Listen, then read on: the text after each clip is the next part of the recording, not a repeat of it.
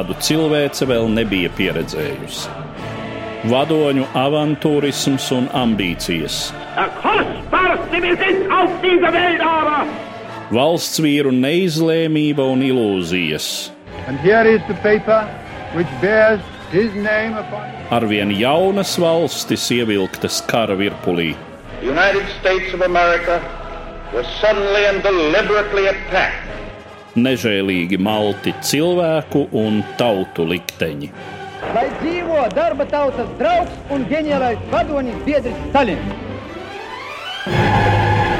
Otrais pasaules karš sarunās ar Eduardu Liniņu raidījumu ciklā Satumsums.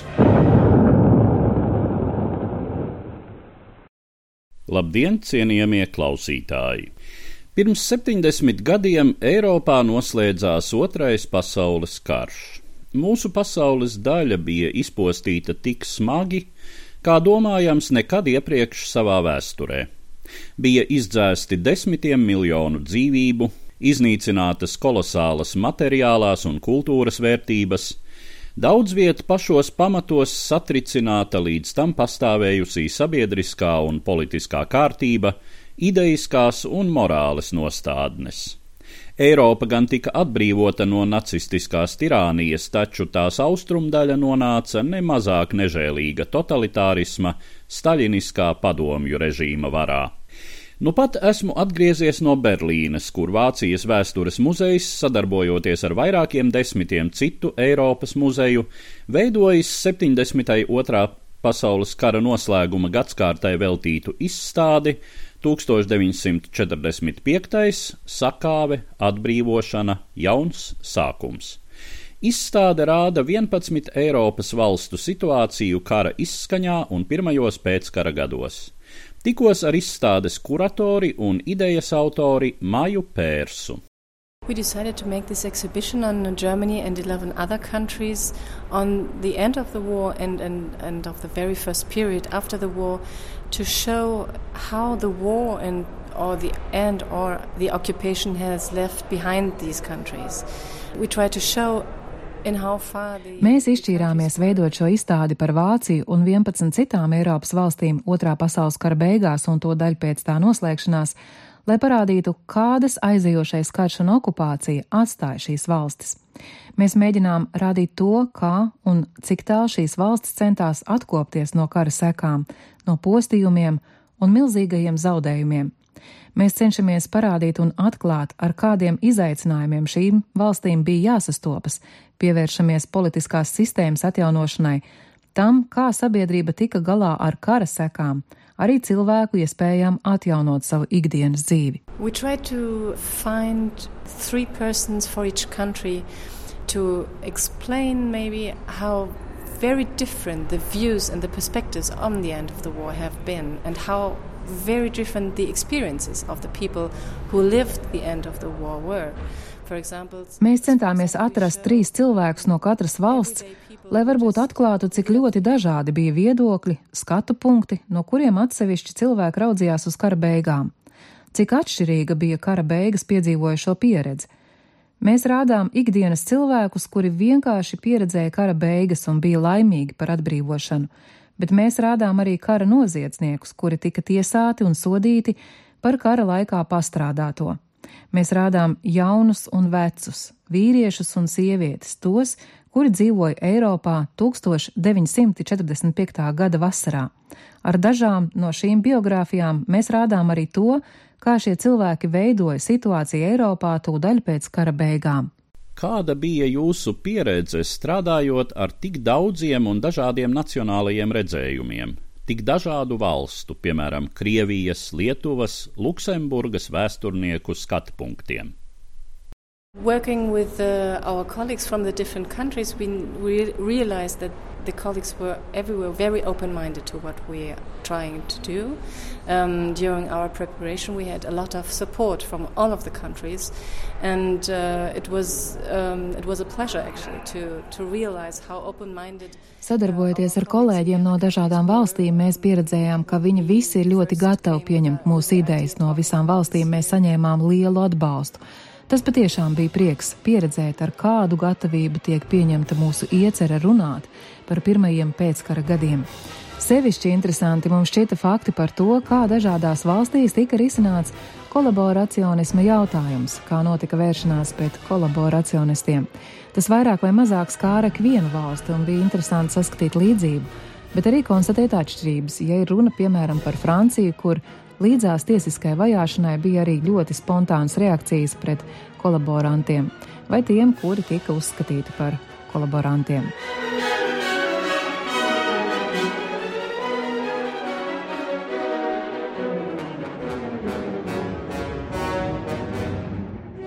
Izstādes katalogā ievietotajā rakstā Francija pēc kolaborācijas un pretestības pētniece Verēna Paetova raksta. Tūdaļ pēc atbrīvošanas ļoti liela daļa franču pilsoņu sevi identificēja ar pretošanās kustību.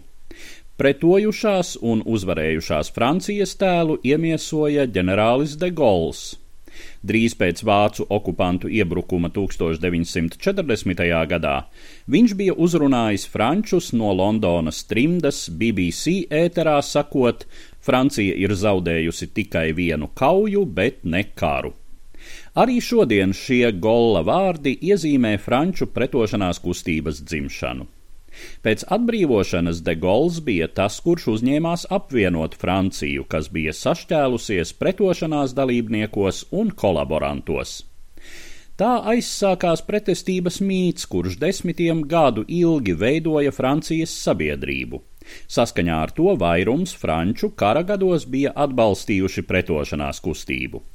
Tomēr ar laiku Degolam izdevās pretestības idejisko mantojumu arvien noteiktāk piesavināties tikai sev un savai politiskajai kustībai. Tikām morālā atbildība par kolaborācijas politiku tika uzvelta tikai atsevišķiem individiem. Tā dēvētās mežonīgās tīrīšanas, kuras notika atbrīvošanās laikā un tūlīt pēc tam, kļuva par emocionālu un neviennozīmīgu diskusiju avotu attēli, kuros redzama sakaros ar vāciešiem vainoto sieviešu publiska pazemošana, guva un joprojām gūst sevišķi plašu rezonansi. Tikai pamazām savu vietu ieņēma kolaborantu tiesiskai vajāšanai paredzētās varas struktūras, kuru darbība ieguva tiesisko tīrīšanu nosaukumu tādējādi to šķirot no iepriekšējām mežonīgajām tīrīšanām. Daudzi franči, kuri bija atradušies vis šī režīma dienestā, tika saukti pie atbildības.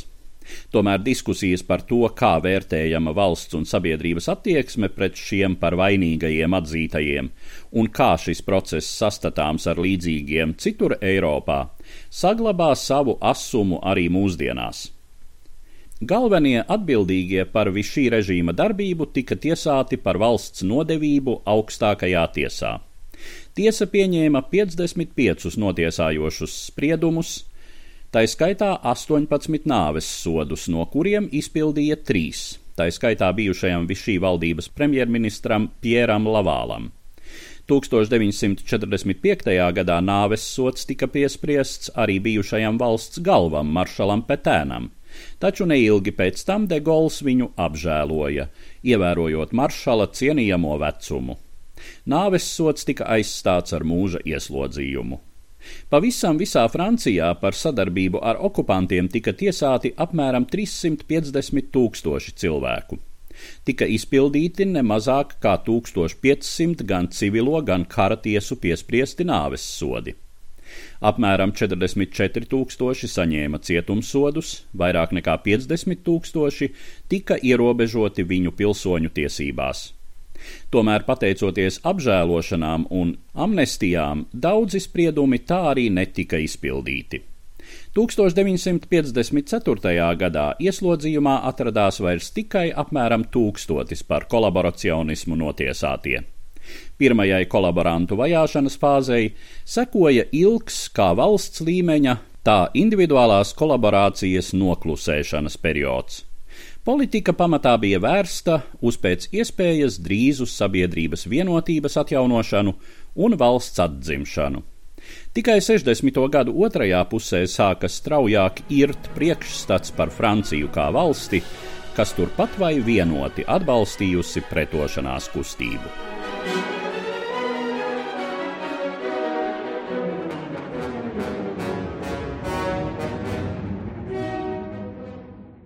Atkal jautāju izstādes 1945. kuratorei Majai Pērsai.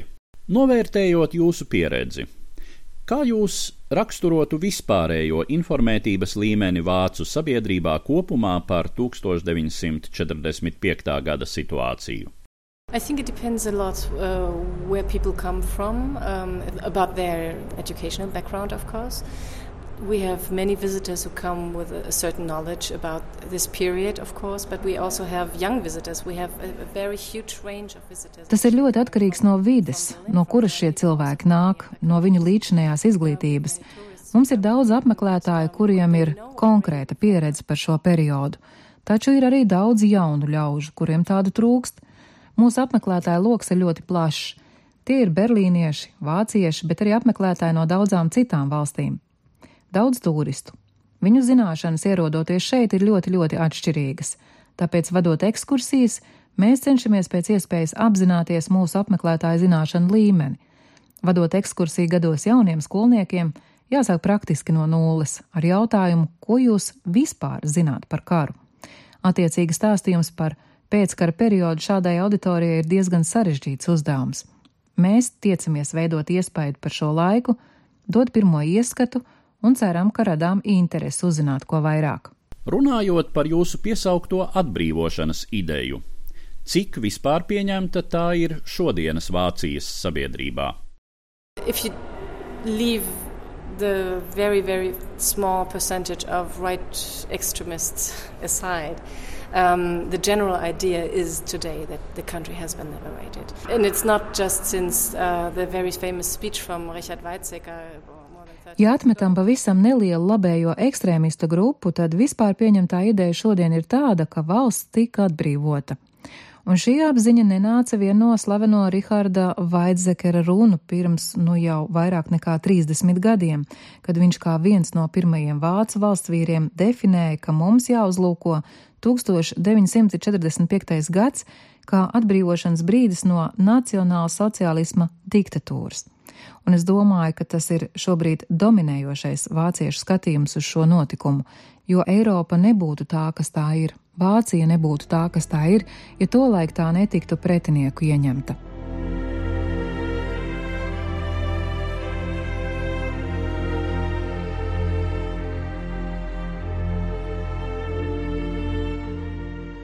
Izstādes kataloga raksta Vācija no sakāves līdz sadalīšanai autore Babete Kvinkerte raksta. 1944. gada rudenī sabiedroto spēki sasniedza Vācijas reiha robežas, uzbrūkot valstī gan no rietumiem, gan austrumiem. Wehrmachts SS un Folkšturma vienības stūrgalvīgi pretojās līdz beigām, kamēr sabiedrotie turpināja Vācijas pilsētu bombardēšanu. Rezultātā kara pēdējo mēnešu kaujas laupīja vēl vairākus simtus tūkstošu dzīvību. 1945. gada aprīlī amerikāņu un padomju spēki pirmoreiz sastapās Strēlas pilsētā pie Elbas upes, 2. maijā, divas dienas pēc tam, kad Adolfs Hitlers bija izdarījis pašnāvību, kapitulēja Berlīne, sekoja Wehrmachta bezierunu kapitulācija 1945. gada 7.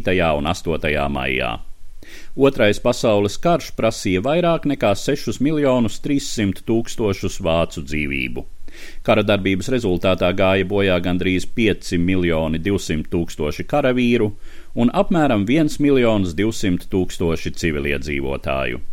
Šiem skaitļiem jāpievieno nacionālsociālistu režīma upuri Vācijā. Gandrīz 190 tūkstoši slimnīcu un pansionātu pacientu, apmēram 165 tūkstoši ebreju, aptuveni 20 tūkstoši romu un sinti tautības cilvēku, kā arī desmitiem tūkstošu režīma politisko pretinieku, citu reliģiski vai sociāli nevēlamo, kuri tika noslepkavoti koncentrācijas nometnēs. Tajā pašā laikā nacionāla sociālistu noziegumu upuru skaits Centrāla Eiropā un Austrum Eiropā sasniedza 13 miljonus. Sabiedroto armiju uzbrukumi daudzos vāciešos izraisīja paniku. Daudzi nacionālsociālisti izdarīja pašnāvības. 1944.-45. gada ziemā milzums vāciešu bēga no valsts austrumu apgabaliem. Sarkanā armija iedvesa īpašas šausmas. Nacionāla sociālistu režīma īstenotā gadiem ilgā intensīvā pretpadomju propaganda un baumas vai arī patiesas ziņas par vācu pastrādātajiem noziegumiem Padomju Savienībā lika uzliesmot bailēm no atriebības. Padomju karaspēka rīcība patiešām apstiprināja šīs bailes. Ievērojot vācu okupācijas nodarīto postu Padomju Savienībai, daudzi sarkanarmieši uzskatīja, ka viņiem tagad ir visas tiesības laupīt un postīt vācu īpašumu. Daudz viet notika uzbrukumi civiliedzīvotājiem, vardarbība un izvarošanas. Kā uzskata Berlīnē vien seksuālajai vardarbībai bija pakļauti simts tūkstoši sieviešu un meiteņu. Austrumprūsijā, Pomerānijā un Silēzijā šie skaitļi ir vēl daudz lielāki. Vācu tautas atmiņā šie uzbrukumi iespiedās uz ilgu laiku, iespaidojot attiecības ar padomju okupantiem. Jāsaka gan, ka vispārējā padomju okupācijas politika būtiski atšķīrās no tās, kādu vācu okupācijas spēki piekopa padomju savienībā. Virzoties cauri Vācijas teritorijai, sabiedroto spēki atbrīvoja 8 līdz 10 miljonus ārzemju karagūstekņu, piespiedu darbos ievesto un koncentrācijas nometņu ieslodzīto. Labi saprotama bija tā atvieglojuma izjūta, ar kādu šie ieslodzītie sagaidīja sabiedroto spēkus, Kara pēdējos četros mēnešos koncentrācijas nometnēs un tā dēvētajos nāves pārgājienos, šīs nometnes evakuējot, dzīvības bija zaudējuši 300 tūkstoši. Teju puse no tiem 700 tūkstošiem lielākoties ārzemnieku, kuri līdz tam bija atradušies koncentrācijas nometnēs. Daudzi no izdzīvojušajiem bija galēji novārdzināti un cieta no ieslodzījuma un nežēlīgās apiešanās sekām kā fiziski, tā garīgi. Sabiedrotie uzņēmās rūpes par šīm pārvietotajām personām, angļu, sali, angļu saīsinājumā dēvētām DP, un nekavējoties uzsāka to repatriāciju. Vairums no civiliedzīvotājiem un militāru personām, kuras nāca no Rietumēropas, bija pametušas Vāciju jau dažu mēnešu laikā. Arī vairāk nekā 5 miljoni padomju pilsoņu, sevišķi jau bijušie karagūstekņi un uz reihu piespiedu darbos izsūtītie, atgriezās dzimtenē. Starp viņiem bija arī tādi, kuri tika repatriēti pret pašu gribu, jo rietumu sabiedrotie bija solījuši Padomju Savienībai nodrošināt visu tās pilsoņu atgriešanos. Tomēr daudzi pārvietotie no Centrāla Eiropas un Austruma Eiropas valstīm negribēja vai arī nevarēja atgriezties savās kādreizējās teritorijās. Tā kā Padomju Savienība un Polija bija, bija vienojušās par attiecīgās tautības iedzīvotāju apmaiņu starp rajoniem, kuri pirms tam bija piederējuši Polijai, bet tagad bija padomju anektēti, daudzi poļi tur atgriezties nevarēja. Desmiti tūkstošu no viņiem vēlējās vispār pamest Eiropu. 1949. gada martā 410 tūkstoši cilvēku joprojām mitinājās DP nometnēs vai slēgtās nometinājuma vietās rietumu okupācijas zonās. Arī neliela daļa vāciešu sveica sabiedrotos kā atbrīvotājus. Tomēr vairākums uzlūkoja kara beigas pirmkārt kā sakāvi. Tiesa vismaz pilsētu iedzīvotāji ar atvieglojumu uzņēma bombardēšanu beigas. Vairumam Vācijas iedzīvotāju tūlītējie pēckara gadi nesa nedrošību, trūkumu un nabadzību. Ļaudis bieži nezināja, vai viņu ģimene un draugi ir izdzīvojuši, kur viņi ir un kā tiem klājas. Pasts un telefons pirmajos mēnešos funkcionēja ļoti vāji. Kara beigās vairāk nekā 30 miljoni vāciešu tika izraidīti no viņu kādreizējās mītnes vietām. Kara beigās sabiedroto gūstā atradās 11 miljoni Wehrmachta karavīru. Vairums no viņiem tika atbrīvoti līdz 40. gadu beigām, taču pēdējie no Padomju Savienības atgriezās tikai 1955. gadā. Francijai un jo sevišķi Padomju Savienībai, ievērojot kara postījumus, nācās visai grūti izmitināt un izbarot šos gūstekņus. Aptuveni viens miljons vācu karagūstekņu Padomju Savienībā nomira no bada, trūkuma un augstuma, kā arī bieži vien pārāk smagiem darba apstākļiem.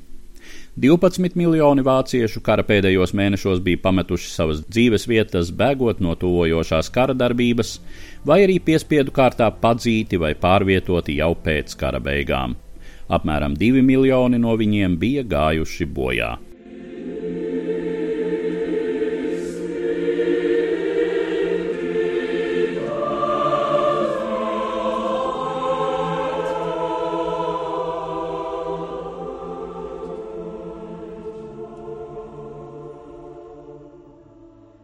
I think from the today's perspective, um, practically every everywhere the, the end of the war is seen as a liberation. This was not, of course, the case for, for Germany and many or many Germans at the end of the war itself. For many, this moment was not uh, was a very difficult moment because many felt. Uh, No šodienas perspektīvas raugoties, praktiski visur kara beigas tiek uzlūkots kā atbrīvošana. Tās, protams, nebija Vācijas un daudzu vāciešu redzējums kara beigās. Tobrīd daudziem no viņiem tā bija smaga situācija. Daudz no viņiem to izjūta kā sakāvi, tā skaitā personisku sakāvi. Tomēr no šodienas, šodien šajās valstīs dzīvojošo perspektīvas, es domāju, ka viens un visur šo brīdi uzlūko un apzinās kā atbrīvošanu. Un kā jūs izjūtat sasaisti starp šo atbrīvošanās izjūtu un lielās uzvaras stāju, kuru mēs vērojam šodienas Krievijā? Yeah, I think it's important that today in Europe we celebrate this moment together. And, and as um, the president uh, the, of the Federal Republic, Gauck, said, we have to thank our liberators Grūts jautājums. Manuprāt, ir svarīgi, ka šodienas Eiropā mēs šo notikumu atzīmējam kopīgi. Kā nesen izteicās Vācijas prezidents Johims Gauks, mums jāpateic saviem atbrīvotājiem par viņu veikumu. Un es pilnīgi piekrītu. Šī kara beigu brīža sakarā ir vieta pateicībai tiem daudzajiem sabiedroto armiju karavīriem, kuri cieta un zaudēja dzīvības, lai atbrīvotu Eiropu no nacionāla sociālisma diktatūras. Runājot par Baltijas valstu specifisko pozīciju, cik viegli jūsuprāt vidusmēra Eiropietim, vidusmēra vācietim ir saprast, ka ir daļa Eiropas, kur mēs tikpat kā nevaram runāt par atbrīvošanu?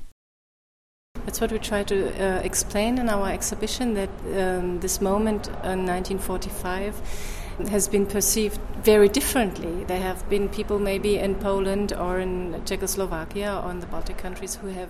Tas arī ir tas, ko mēs cenšamies atklāt savā izstādē.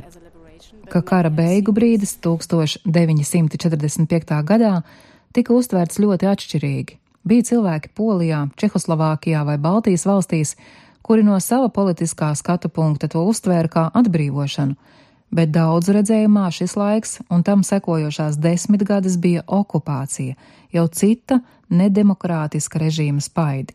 Tas ir tas, ko mēs mēģinām likt saprast mūsu apmeklētājiem, ka situācija 1945. gada Francijā, Dānijā vai Austrijā bija ļoti atšķirīga no situācijas Austrumēropā.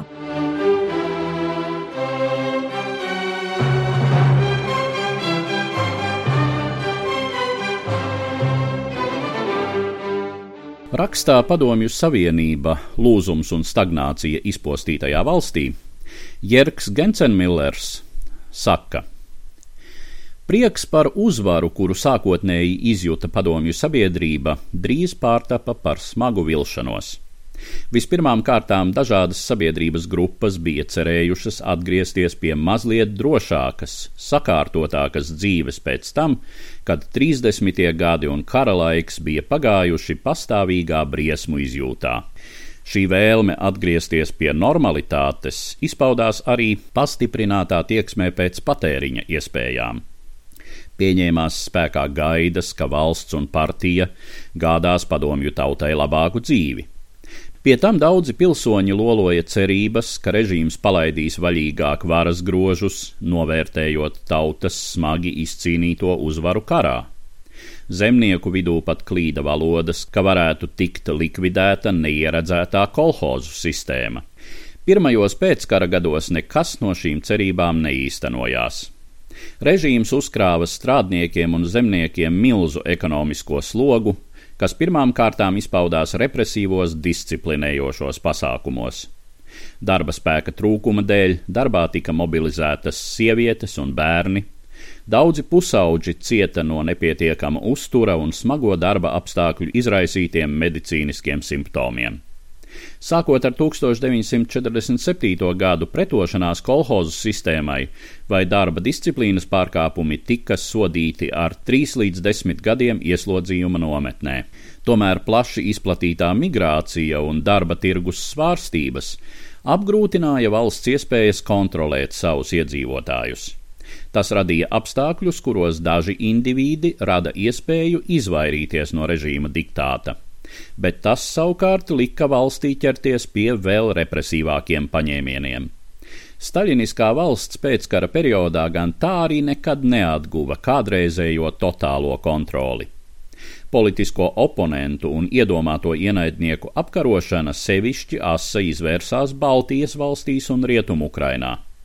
Jebkura pretestība Padomju Savienībā tika lausta ar spēku. Baltijā meža brāļi gadiem turpināja izmisīgu partizāņu karu pret padomju virskundzību. Ukrainas pretošanās armija karoja pret padomju iestādēm Rietumukrainā līdz 1952. gadam. Valsts drošības spēki atbildēja ar maksimālu brutalitāti un bardzību pret šo kustību dalībniekiem un viņu domājamajiem atbalstītājiem. Sevišķi aizdomīgi padomju valdībai šķita valstī atgriezušies kara gūstekņi un piespiedu strādnieki. Pamatā viņi tika vainoti par brīvprātīgu padošanos ienaidniekam. Otrā pasaules kara laikā hitlerieši bija deportējuši no Padomju Savienības piespiedu darbos uz Vāciju no 4 līdz nepilniem 5 miljoniem cilvēku. Vēl apmēram 5 miljoni 700 tūkstoši sarkanarmiešu bija krituši vācu gūstā. No viņiem Wehrmachta noziedzīgās attieksmes un starptautisko tiesību normu neievērošanas dēļ dzīvajos bija palikuši tikai 2 miljoni 400 tūkstoši. Kara beigās Kremlis pavēlēja visiem padomju pilsoņiem, kuri atradās ārpus padomju savienības, nekavējoties atgriezties mājās, un līdz 1946. gada 1. martam uz padomju savienību bija repatriēti 4 miljoni 200 tūkstoši. Tomēr ar to bijušo piespiedu darbos izdzīto un karagūstekņu ciešanas nebeidzās. Atgriezušos gaidīja skarba un bieži pazemojoša pratināšana padomju filtrācijas nometnēs.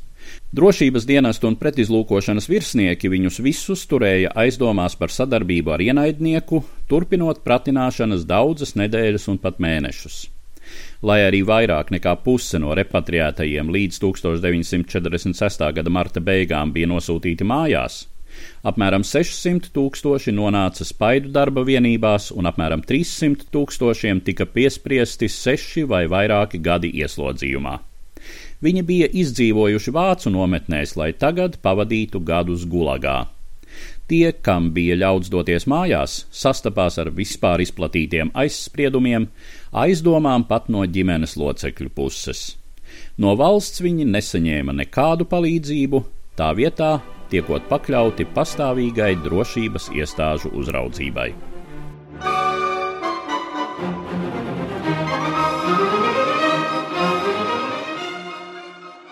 Līdz ar to izskan raidījums kurā stāstīju par Vācijas vēstures muzejā Berlīnē apskatāmo izstādi 1945 Sakāve, atbrīvošana, jauns sākums. Izstāde Berlīnē būs apskatāma līdz šī gada oktobrim. Raidījumā šīs dienas acīm cikls Satumsums - sarunas par Otro pasaules karu.